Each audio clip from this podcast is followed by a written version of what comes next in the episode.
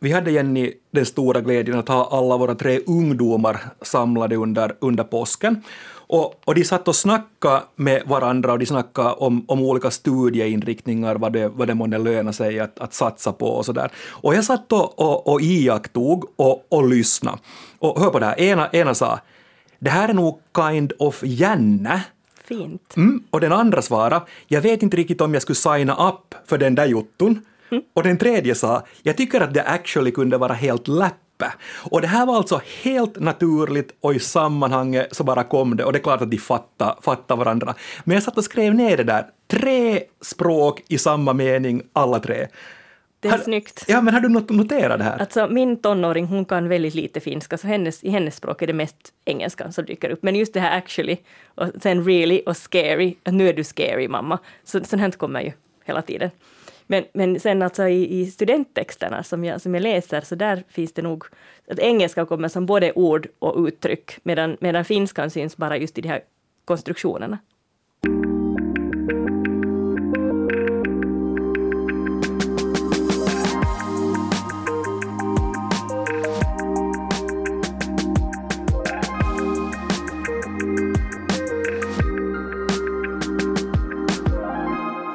Näst sista ordet är tillbaka igen med mig, Jens Berg, och språkexperten Jenny Silvin. Hej. Och bums genast välkommen säger jag också till dagens gäst, Anna-Maria Gustafsson. Hej. Roligt att ha dig här, Anna-Maria. Du är ledande språkvårdare vid Institutet för de inhemska språken. Du är specialiserad på mediespråkvård och översättningar från finska till svenska. Ungefär så? Ungefär så, ja. Det mm. låter ganska korrekt. Vi har här i, i näst sista ordet talat en hel del om hur vi finlandssvenskar navigerar mellan finska och svenska. Och så har vi också talat en del om hur svengelskan har sökt sig in i vårt språk. Men vi har inte talat om den nya trespråkigheten, hur den syns i vårt tal, det här med kind of jänne och hur det här syns i våra texter. Alltså hur vårt språk förändras när många av oss ständigt navigerar mellan svenska, finska och engelska tänkte börja, Anna-Maria, med en sån fråga till dig. Hur, hur syns det här i ditt jobb som språkvårdare? Jo, det är precis som du säger att de här engelska orden och eh, de här som du väller in, det är ju mest i det muntliga språket de används. Så att när de här frågorna landar hos oss så handlar det om, om, om eh, krocken med skriftspråket. Hur ska vi hantera det här i skriftspråket? Hur ska man stava och böja de engelska orden? Så det är delvis sådana frågor, eller egentligen en hel del sånt. Hur ska vi böja selfie i plural eller, eller hur ska vi stava cancelled, cancella och så vidare. Så det, det är det ena. Och sen eftersom vi jobbar med, med, med det offentliga språket, alltså nyhetsspråk, mediespråk och, och myndighetsspråk och så vidare, så handlar det ofta om terminologi. Alltså att hitta, hitta då eh, svenska motsvarigheter till, till termer på engelska som ju kommer in på alla områden också. Så att det, dels är det liksom att hantera det, det muntliga i det skriftliga och mm. dels är det på ett högre plan, terminologin. Så att det, det är väl det. Mm. Hur är det Jenny för dig? Universitetslärare i svenska så är din, din korrekta titel. Du undervisar studenter i, i svenska. Hur mycket dyker det upp sådana här konstruktioner, just de här som är, som är svenska, finska och, och engelska i samma mening? Um, inte kanske i samma mening, man märker ju nog väldigt mycket att det är på engelska de läser mycket. Och då kommer det just in sådana här ord som just uh, no, cancel. Men det, det är ju alltså när det handlar om cancel-kulturen så är det ju en annan sak, det mm. att man plötsligt inte liksom kan, kan lyssna på en, en uh, viss artists musik till exempel för att den har gjort något olämpligt. Men, men när vi talar om, om hetsade termer just till exempel Ja, så det kommer in sådana ord att vi är obligerade att göra någonting och så mm. vidare. Mm. De här kommer in, men de finska orden vet de ju nog att rensa bort från sina texter därför att det är så uppenbart att de är finska, medan engelskan kan man lätt få att låta som svenska, ändå på något sätt. Eh, och då dyker de kanske in just för att man tar det ord som finns och, och, man vet, ibland vet de att, eller ofta vet de att det finns något bättre, men, men de vill få ihop en text och sen sätter de det här. Alltså jag ger ju dem respons också på halvfärdiga texter, så det är ju mm. kanske en del av att producera mm. text, att det kommer in sånt här som man vet att inte ännu är rätt och sen diskuterar vi vad som kan vara ja, rätt exakt. ord. Ja. Mm. Men sen finns ju alltså uh, strukturerna, alltså grammatiska strukturer, så där kommer det ju in både influenser från, från engelskan och finskan. Ja. Till exempel, nu för att ta ett exempel, så om man, nu då på fin, om man har läst på finska eller tänker mycket på finska, så då kan man ju skriva liksom utan problem till exempel Europas länder. Medan det kanske skulle vara mer idiomatiskt länderna i Europa. Mm. Att, att att just det liksom att användning, finsk användning av genitiv och sånt här ser man. Och, och det är sånt som vi sen får diskutera. Ofta vi får respons av varandra också, då brukar jag säga att, att du, di- din text innehåller ganska mycket intryck från finskan, att det här kan du be om hjälp med av dina Exakt. gruppkompisar, att om det är någon som kan hjälpa dig att hitta Ja. mera svenska sätt att uttrycka det här. Ja. Det var intressant det där med, med obligerade. Jag, jag, jag hittade i en mailkorrespondens, när jag sökte lite exempel till, till det här programmet, så, så hittade jag i en, i en mailkorrespondens, vi är långt obligerade att göra så, vi hamnar att konfirmera avtalet. Och det här var, eh, jag menar det är fullständigt begripligt för mig, i en trespråkig kontext så, så var det här absolut begripligt. Men jag noterar här att det var, att det var trespråk i samma mening. Ja, det var så om- långt. Ja, långt och hamna. Och även om, om det var skrivet på svenska så var det tre, tre språk i det. Och, och, och så här när jag säger det så, så jag menar klart, 95 procent av alla finlandssvenskar fattar ju det här. Precis. Har du, har du intressanta exempel, Anna-Maria, som du har stött på på sistone som är, som är sådana som, som, som du jobbar med eller som ni jobbar med? Jo, jag, jag, jag kanske är mera, det är kanske mera exempel som jag har observerat då på annat håll eftersom det, den här typen av, av eh, frågor inte landar direkt hos språkvården. Vi noterar ju dem att det är så här men liksom, sen när vi har att göra i första hand med professionella skribenter så är det precis som Jenny sa att det, är liksom, det, det är ganska lätt att, att hålla borta de finska orden och de engelska orden utan det är snarare de här finska strukturerna som vi vi, vi får frågor om. Men Mm. jo, men, men, men jag, har, jag, har, jag, jag älskar att samla på de här exemplen. Ja. Så jag har mina listor där, Ja. jag, där jag sa- samlar allt sånt här. Så att om ni vill ha några därifrån jag är så, så det där. Absolut. Jag har här eh, eh, om att någonting har evolverats under en lång tid. Eller man kan tala om att det, är, det här socialisera tror jag ni nämnde Mm. någon gång tidigare. Ja. Att man soci, socia, gärna socialiserar med andra. umgås, ja. Ja. Och man vill ge direktion åt Mm. någon. Um, den originella frågeställningen. Oj, det här, det här är är väldigt den vanligt. dyker o- Ja. ofta upp i mina Så texter att, också. sån här, där det liksom, man egentligen kan kalla dem någon sorts falska vänner. För Mm. att på sätt och vis finns ju de här orden i svenskan. Men de finns på en liksom kanske mer eh, högre formell eh, stilistisk nivå än eh, den nivå som, som där, där vi nu hittar dem. Exakt. Så att det är någonting, tror jag, bekant för, för skribenten här eh, och, och då kanske det är lätt att ta dem. Och det låter kanske också fint, tycker vissa. Ja. Men om ni vill ha min, min, min, Några till, gärna. eh, några till som då mer en fråga om, om konstruktioner. Så, som jag noterade här för en tid sedan. På första glans verkar det någonting. Att- Oj, fan. ja, Oj, det är, det är häftigt. det är häftigt att Ja. först glans. Ja. Ja, det tycker jag är ganska speciellt. Och eh, eh, IT-kunskaper är inte bara längre om. Is, Ja, Det just handlar det. inte Ja. bara längre Ja, om ja. just det. Ja. Så att sånt. Mm. Det, ja, men det här är, det finns hur mycket som helst. Men jag vill också påminna om att det här är ju ändå lite udda. Ja. Att inte det här är ju något enormt problem. Utan de flesta skribenter kan ändå hålla Ja. de här språken isär. Det, det jag är nyfiken på, på ännu, jag, jag frågar er, er båda här, eh, när vi nu var inne, inne på att, att engelskan påverkar oss alla, my, påverkar, oss, påverkar oss mycket. Jag antar det gäller samma för finskan, alltså att om man ser på finska språket och influenser från engelskan, att man kan, att man kan ana samma saker där. Ja, ja absolut. Ja, Addiktoitunut. Ja, men blir det på ett annat sätt äh, äh, i finskan sen i och med att äh, engelskan och svenskan är mera konstruerade på samma sätt i språket än vad finskan är? I och med att jag inte kan finska mer än till, till 80 procent så har jag svårt att uttala mig. Nu är jag ju inte heller expert på finska men att äh, på fråga A svarar jag ja, ja, ja i Och alla på B fall. akustisk gitarr. Alltså, att det, där att, att, eh, det är klart att finskan påverkas väldigt starkt av, av engelskan också för det gör alla språk just nu. Och, äh, om, med risk för att jag trampar några experter på tårna nu så, så kan man ju säga just det här som, som Jenny var in, inne på också att finskan har en tendens att, att snabbt, för att ta ett engelskt ord, adaptera de här uh, orden och hitta ett, en finsk böjningsform och ett finskt sätt att få in det adaptoitunut. Mm. Att det ja. blir liksom med, med, en finsk ändelse eller en finsk konstruktion. Men man mm. tänker bara på ordet adapt, adapt så det, mm. heter, det, finns, det finns ju en apparat som på svenska heter adapter, på finska heter det muuntaja. Alltså just ja. det här att det, eller man på något sätt anpassar någonting efter någonting. Jag mm. menar, finskan gör, skapar ofta finska ord ja. med, med finska betydelseled i. Och det här gör att, att jag tror att finskspråkiga kanske ännu mer än svenskspråkiga irriterar sig på anglicismer i språket. Det är möjligt.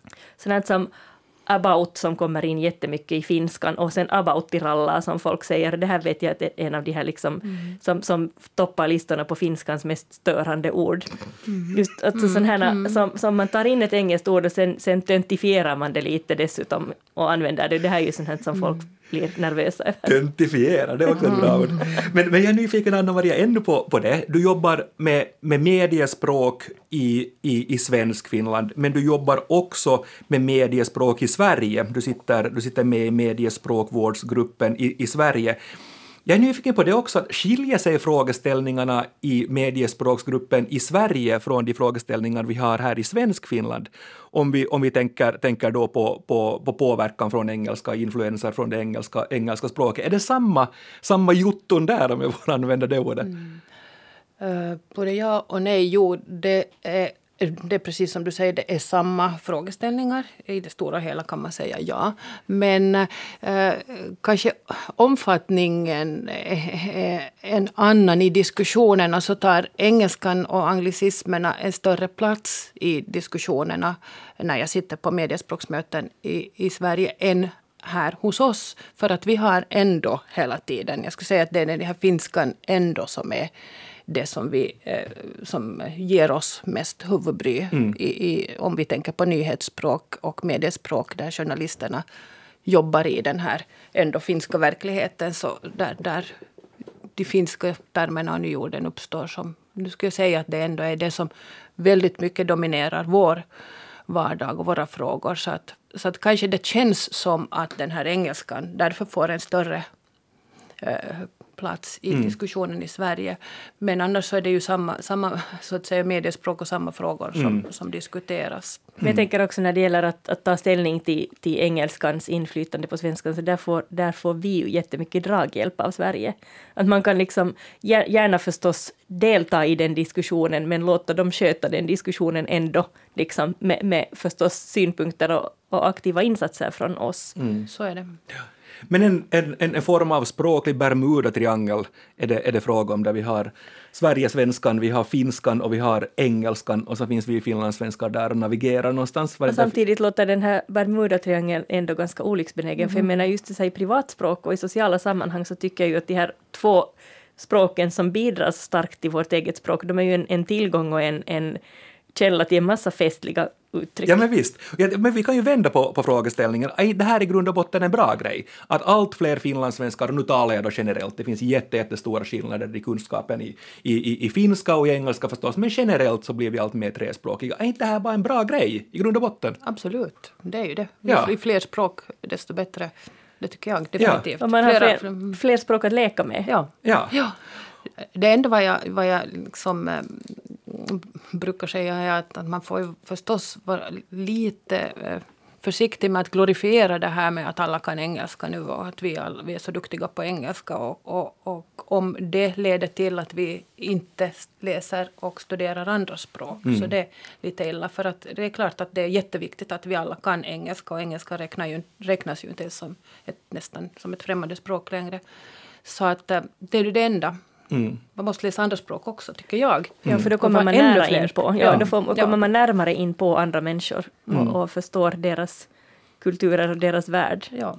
Ja, absolut. Att betrakta saker ur flera perspektiv. Man blir kre kanske kreativare också när man funderar samtidigt på tre språk och det finns också kognitiva mm. fördelar har jag läst sådär i forskningen också. absolut. Du, alltså, jag, jag använder det regelbundet, alltså nu på, på, en ganska avancerad nivå ändå, att det räcker inte med att gå till butiken på finska, men använder man alltså tvåspråkiga personer Alltså, så här. Flerspråkighet skyddar inte mot demens. Demens uppstår på grund av att, att hjärnan hjärnans struktur förändras. Men flerspråkiga personer har flera banor, nervbanor i sin hjärna. Mm. Vilket betyder att alltså de här symptomen på den demens som uppkommer vid samma tidpunkt oavsett hur många språk du kan, men symptomen kan, för, kan visa sig många, många år senare.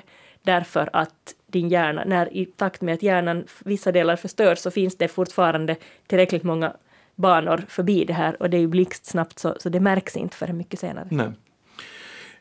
Jag hör er här, som det, som det heter på finlandssvenska också, hear you. Medvetenhet är, i, i trespråkighet är, är, bara, är bara huvud, huvud och bra grejer.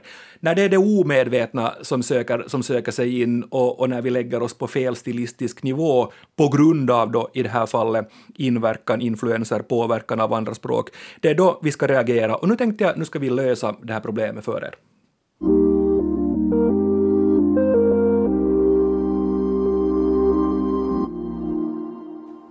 Trespråkighet är bra, omedveten trespråkig sammanblandning är en, en utmaning, framförallt när vi ska uttrycka oss i skrift och framförallt när vi ska uttrycka oss mera formellt i, i, olika, i olika sammanhang. Börja med dig, Anna-Maria Gustafsson. Vad ska vi göra åt det här nu då? Oj. Hur ska vi, hur ska vi reda upp det här? Oj, om jag hade svaret på den frågan. Men, men vi har ju sagt det viktiga, det handlar om medveten. Ju mer medveten man är, om, om eh, olikheterna i språken, ju mer man förstår hur, hur de här olika språksystemen fungerar och så vidare, desto eh, intressantare blir det. Ja. Och när det gäller finskan och svenskan så, så är det ju, eh, som vi har nämnt här, att det, det är strukturellt så annorlunda olika. Så att eh, jag tycker att alla finlandssvenskar borde också ha en, en minst en grundkurs i riktigt ordentlig kurs i finsk grammatik för att förstå hur språket fungerar på finska och därmed också stärka sin, sitt modersmål, svenska, genom det. För att det här att, att liksom bolla kontrastivt mellan de här språken, det är min käpphäst. Liksom att förstå att jaha, den här konstruktionen är ju direkt finska fast det låter fast jag använder svenska ord och så vidare. Och det är ibland lite svårt att inse om man inte kan Eh, det andra språket. Så där. Ja, men det där är nog klokt. Alltså det där är jätte, jätteintressant, för det där har jag funderat också på när, när jag blir osäker på, på uttryck, och, och då handlar det, handlar det framför allt om, om, om, eh, om påverkan från, från engelskan. Och, och när jag sätter de här uttrycken sen bredvid varandra och liksom komparativt läser dem, det är ju först då jag fattar. Mm. Men, men, finns, det, finns det den här typen av, av, av språkkurser där man, där, man, där man parallellt läser olika språk och, och uttryck och, och så? Jenny På Uni finns det det. Ja. ja. Alltså en av de mest användbara kurser jag gått, läste under min studietid var en kurs som heter kontrastiv mm. grammatik. Mm. Och den handlar just specifikt om skillnaderna mellan, ja. mellan finskan och svenskan.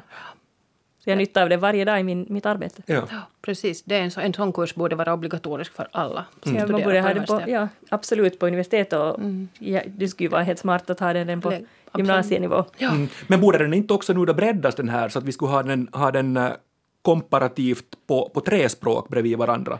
Engelskan ingår nog ganska mycket tycker jag i engelskundervisningen i skolan. Jag tycker det, det är liksom, vi är mindre medvetna om på något plan ändå hur mycket finskan påverkar mm. oss. Ja. Mm. Det, det, är intressant. Det är just så det Mm. Men om, om, om jag skulle sätta mig nu på den här grundkursen, Anna-Maria med dig och Jenny, Jenny som, min, som, min, som min vän och härliga, härliga kollega också, ni skulle, ni skulle vara lärare, och, och lära mig en grej när, när jag som, som journalist eller, eller offentlig person som ska skriva någonting offentligt har fått en text på finska och ska översätta den till, till svenska. Det största eller det vanligaste felet jag gör om jag nu är finlandssvensken, sådär i allmänhet. Oj. Eh, det kan ju vara väldigt många olika saker det också, men kanske främst meningsbyggnaden. Mm. Hur man bygger upp meningar överhuvudtaget. Och, och eh, ja, genitivkonstruktionen, nu säger jag två saker, men, men det, liksom, det handlar om hela det här hur man bygger upp en mening som sen bygger upp ett stycke och sen en hel text med informationsföljd, eh, stil. Om du skriver en myndighetstext på finska så har du kanske en annan, eller har eh, den en annan stil mm. än en, en eh, svensk text. Så att liksom så många olika aspekter man borde tänka på där. Så att jag kan kanske inte bara ge dig nu ett. Nej, men du gav ganska många där. Det är bra. Men, men Jenny, om du börjar gå tillbaka till, till den här frågan hur, hur vi ska reda upp det här nu då? No, jag, alltså jag skulle ha sagt exakt samma delar som Anna-Maria. Jag satt faktiskt igår och, och rota i, helt för min egen doktorsavhandling, rota i, försökte hitta på vilket sätt den finländska informations och meningsstrukturen skiljer sig från den svenska. Det var inte så där som, inget som gick att sammanfatta så där lätt i en mening. Det, vi får jobba vidare med det där. Men den är, den är annorlunda. Man, man ger information i en annan följd. Framförallt så har finska mycket friare ordföljd. Medan svenskans är ganska mm. mycket så här subjekt, predikat, objekt. Men det kommer man ganska långt. Sen mm. kommer man förstås och ändrar på mm. Saker beroende på vad man vill uttrycka. Men alltså det som jag ju, alltså mitt bästa och alldeles konkretaste tips är det här att läs på svenska. Läs jättemycket på svenska. Och man ska inte alls läsa för att imponera på någon annan eller för att, för att ja, för det här ska man ha läst, utan läs det du tycker är bra. Och det, det, är det enda sättet att fortsätta göra det, att man läser någonting som man tycker är så bra att man tar boken med sig på tuppen eller, eller är uppe för sent på nätterna. Mm. Hellre med en bok än för att man har suttit och skärmat. Och, och det är alltså nyttigt att läsa precis allt, gärna tryckt och utgivet på papper för att då somnar man bättre om kvällarna. Alltså, Läs skönlitteratur, läs nyheter, läs faktaböcker, läs lyrik, läs serier, läs vad som helst. Den senaste bok jag läste var Fredrik Backmans senaste bok, Folk med ångest. Mm, den, hade, mm. den hade bra flyt, den var lättläst, det är liksom inget, inget prestigefyllt där. Alltså man ska inte, liksom, man ska, det är mycket bättre att läsa sånt som är lätt pigromaner, äh, deckare, helt vad som helst, än att, att, att ge upp med Ulysses eller Alastalon Salissa mm. eller På spaningen efter en tid som flytt eller Dostojevskij för att man tycker att man ska, så ger man upp efter första kapitlet. Ja. Så att, men sen brukar jag också säga att, att läs på det du språk du vill stärka. Mm. Att, att, tycker du att du kämpar med att få ihop finsk text så då kan man läsa på finska just då. Precis. Ja. Jag håller helt med. Det här ska man nästan kunna liksom, brodera en korsstygngstavla ja. Men det där... Eller nästan sända i en språkpodd eller på, på Radio Vega skulle vi nästan kunna där, också, om det här skulle sändas. Ja. Just men det säger jag också att är man inte en läsande person så vad gör man då? Nej, men då kan man till exempel lyssna. Alltså. Yle har ju bevisligen en massa bra svenska poddar. Mm. Men man, man, kan också alltså lyssna på ljudbok. Mm. mm. Men umgås med det språk. Om, om man har svårt att umgås på det språk man vill stärka mm. så kan man umgås med det språk man vill stärka genom läsning och, mm. och ljudmaterial. Mm.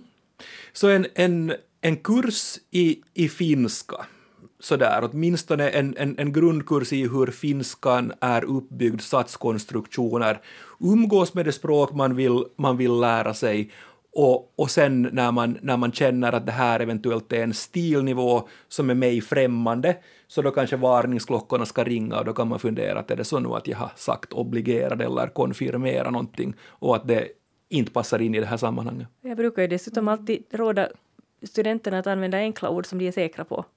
Och då kommer man ganska långt. Men också det, det handlar ju verkligen inte om att förbjuda. Nu säger man, man liksom inte, att inte förbjuda att använda engelska eller, eller liksom finska konstruktioner, utan hellre hålla sin egen svenska så levande och aktiv mm. att man har tillgång till de här idiomatiska mm. uttrycken. Mm. Att då vet man hur det heter. Det handlar ju om att älska svenskan, att älska sitt modersmål. Det är liksom där, där tycker jag det, det, det hela startar också. Att, att också äh, värdesätta modersmålet, svenskan. Det är inte ett fattigt språk och det är inte så att något annat språk är rikare än det. Ju bättre man är på sitt eget modersmål, desto lättare är det att ta till sig andra språk också. Så att det där skulle jag kunna brodera in på en tavla. Åsnebrygga ska vi tala lite om här. på tal om allt och ingenting. Vi, hade, vi, vi talade med, med Jenny här om, om, om ordet åsnebrygga för några, för några veckor sedan här i, i näst sista ordet och det här har lett till en ganska livlig diskussion. För, för Jenny och, och jag, nu kommer jag inte ihåg om det var du eller jag som, som, som sa det, men vi, vi tyckte på något sätt att det skulle vara mera logiskt om det här uttrycket, Finlands, finlandismen, finlandssvenska ordet åsnebrygga, alltså att gå från en sak till en annan, att det inte skulle heta åsnebrygga utan åsnebro. Ja, och på finska heter det ju asinsilda. Så jag tycker att de har rätt och vi är lite underliga. Nåja, nu ska vi argumentera här en stund om, om det här. Vi fick in många kommentarer. Jag ska läsa två av de här. André från Sjunde skriver så här. Apropå åsnebryggan. Jag har själv alltid föreställt mig att man tar ut en liten åsna på bryggan för att den ska kunna hoppa över till antingen båten eller följande plats i säkerhet. Men att själva brygga har betytt bro är jag rätt säker på. Jämför kommandobrygga med kommentosilta the bridge. Så det är på inget sätt konstigt att leda en åsna över en brygga. Och jag har för mig också att tandläkare brukar tala om brygga när de förenar två tänder över ett hål, inte bro på finska, silta. Det här är Ja, ja. del ett av responsen. Mm. Det, det låter rimligt. Jag tycker att det låter jätterimligt. Och sen kommer Helen som skriver från Wien och vi tackar Helena för att det var ett jätte, jättefint brev när hon lyssnar på oss i Österrike, Wien. Hon skriver så här, i ert senaste program pratar ni om varför det på svenska heter Åsnebrygga och inte Åsnebro, trots asinsilta på finska. Nå, på tyska heter det Eselsbrücke. Det betyder visserligen bro, men låter ju som brygga. Just, just ordet brygge är ett av äh, Eh, de falska vänner, falschen Freunde, mina barn ofta äh, gör fel på när de på svenska pratar om brygga istället för bro. Så jag antar att det är från tyskan ordet ursprungligen har tagits in i svenskan och så har man, har man automatiskt sagt brygga som låter mera likt medan finskan har översatt ordet korrekt. Just det, vi har ju talat om de här tyska falska vännerna tidigare. Där har ju liksom både Helene och André i så fall liksom rätt när de säger att, Ja. att det är en brygga som har blivit, förlåt, en bro som har blivit en brygga. Ja. Det låter rimligt. Ja. Och, och, och jag tittar på det här med, med, med tyskans eselsbrygge också som, som Helen skrev oss om. Och om man, om man är riktigt petnoga där så betyder det en sorts minnesregel, att komma ihåg saker via en, en ramsa. Till exempel att Lounas, Lounais är sydväst i, eh, på, på finska och då kan man tänka att man äter lunch i Åbo. alltså liksom det. Ja, eller lunch på Sverigebåten, jag har lärt mig samma minnesregel. Lunch på Åland har jag lärt mig. Mm, precis. Och att det är en, och att det en, en, lathund, eselsbrygge. Men att det är ju också att man, att man liksom via det går från en sak till en annan. Och det kanske då har kommit in i, i, i svenskan via, via dem. Och den betydelsen finns väl kvar, finns den inte?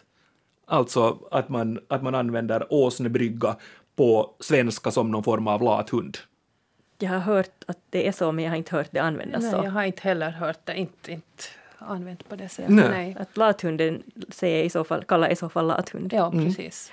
Och sen det här då att bro och brygga äh, kommer från samma, samma ordstam, så det kan vi enas om här också. Så egentligen en dubbel förändring kanske i åsnebryggan från tyskan med en ny betydelse i svensk Finland och bro och brygga från samma ordstam. Så kanske vi kan ge rätt här till både André och Helen. Alla har rätt. Det är alltid det bästa svaret. Men jag tycker, Anna-Maria, du hade, du hade en lista på vad den här het, vad åsnebryggan har betytt i, i just det här att den använde, var, var en, någon sorts uppgift som sålla agnarna från veten, att det var, det var liksom en, en uppgift som var så svår att dumhunden Ja, var det något sånt inte klarar Det är av den här att, att det kan ha betytt en sats i Euklides geometri som ansågs alltför svår för obegåvade elever. Oj, en sån åsnebrygga! Hörni, som vanligt så ska vi avsluta med det bortglömda ordet och idag blir det en eh, spännande överraskning. Vi har bett dig, Anna-Maria, ta med ett ord. Vad har du tagit med dig för ord till oss? Jag har tagit med mig ett ord som uh, sannerligen är bortglömt. Det vill säga, det finns i, i eh, dialekterna i norra svenska Österbotten, klaka. Klaka. Alltså klake. Och klake finns belagt i svenskan redan i början av 1600-talet. Jag har ingen aning om har det är. ingen aning? Nej. Nej och ni Du kan ge, ge en ledtråd. Uh, uh, nu är det inte riktigt aktuellt eftersom det är vår redan. Men det där, jag har använt det och nu liksom försökt sprida det väldigt intensivt här uh, under vintern. Det betyder alltså isgata när det, det är riktigt uh, Ah. blank is. I see, I så att man see. knappt hålls på ben. Då är det klacka. Så att det är alltså klake. De- Och isgata menar du alltså en, en gata i stan som är frusen eller menar du det kan vara var som helst, men det där... Det kan också ha... Det har också liksom, även om det då är hemskt när det klackar före, alltså att man, man då kan bryta lårbenshalsen och så vidare. Så kan det också vara lite positivt med, med, med klacka före för det är det bästa sparkföre som det. finns. Ja. Där man liksom bara susar fram Ja. på osandade vägar, då är det klacka före. Ja. Men är det här då typ Klart. norr om Oravais, så att, du, att vi kommer mot Nykarleby, Jakobstad, Eh, Karleby jo, till? det, I min Jakobstads Pedersöre-dialekt så fin, är det väldigt aktivt med klacka. Och det där, jag blev så lycklig när jag hittade i, i det där eh, Svenska Akademins ordbok då, som Ja. klake. Ja. Så att om man vill använda den allmänsvenska formen så är det klake. Det där, och jag har då som sagt försökt sprida det här så, så att eh, det finns också nu en eh, en eh, spalt på vår webbplats om det. Månadens dialektord var det i februari då när det verkligen var klacka. Ja. Klacka. Fantastiskt. Kärring, kärringhalka har jag hört, då hamnar kärringarna på, på sjukhus. Så jag tycker klake är ett ord som borde... Fantastiskt! Klaka, Jättebra. fint, tack för det. Ja, och tack Anna-Maria Gustafsson för att du besökte oss idag. Det var jätteroligt att ha dig här. Fortsätt gärna att skriva till oss på nastsistaordet at yle.fi. Vi försöker svara på alla frågor och vissa som ni märker så tar vi upp här sen också. Men nu för denna veckan säger Jenny och Jens Morgens!